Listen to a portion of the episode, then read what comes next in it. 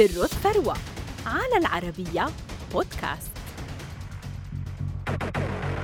بينما كان عملاقا الأعمال وارن بافيت وبيل غيتس يتصدران قائمة المليارديرات من خلال بيركشير هاثاواي ومايكروسوفت كان أمانسيو أورتيغا يعمل على ماركاته العالمية بيرشيكا وزارا وستراديفايوس وماسيمو دوتي وغيرها حتى تصدر قائمة أثرياء العالم في عامي 2015 و2016 بسيطرته على أسواق الموضة العالمية وأصبح أمانسيو اليوم من بين أثرى عشرين رجلا في العالم بثروة تقدر بثمانين مليار دولار بأرباح سنوية تصل إلى 400 مليون دولار ويمتلك أكبر مجموعة لبيع الملابس في العالم وهي إنديتكس فكيف بنى أمانسيو أورتيغا هذه الثروة؟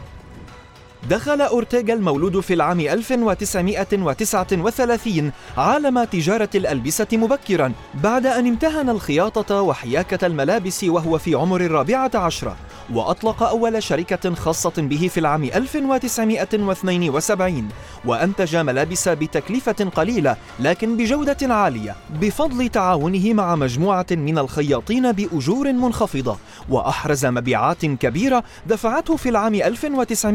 1975 إلى تأسيس أول محل تجاري للعلامة الشهيرة زارا في إسبانيا.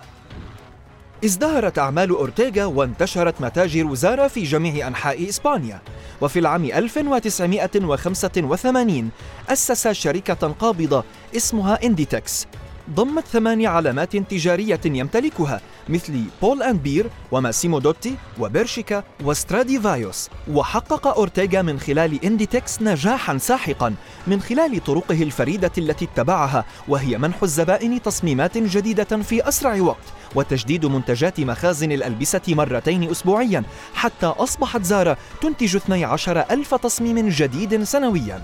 امتلك أورتيغا حصصا كبيرة في سوق الملابس العالمية وحققت مجموعته إنديتكس إيرادات مالية تجاوزت العشرين مليار دولار سنويا جعلته يتصدر قائمة أثرياء العالم في عامي 2015 و2016 بثروة تقدر بثمانين مليار دولار ويمتلك أكبر مجموعة أزياء في العالم. يعمل فيها أكثر من 174 ألف موظف يعملون في أكثر من 7400 متجر في أكثر من 200 دولة بما في ذلك 49 سوقا عبر الإنترنت.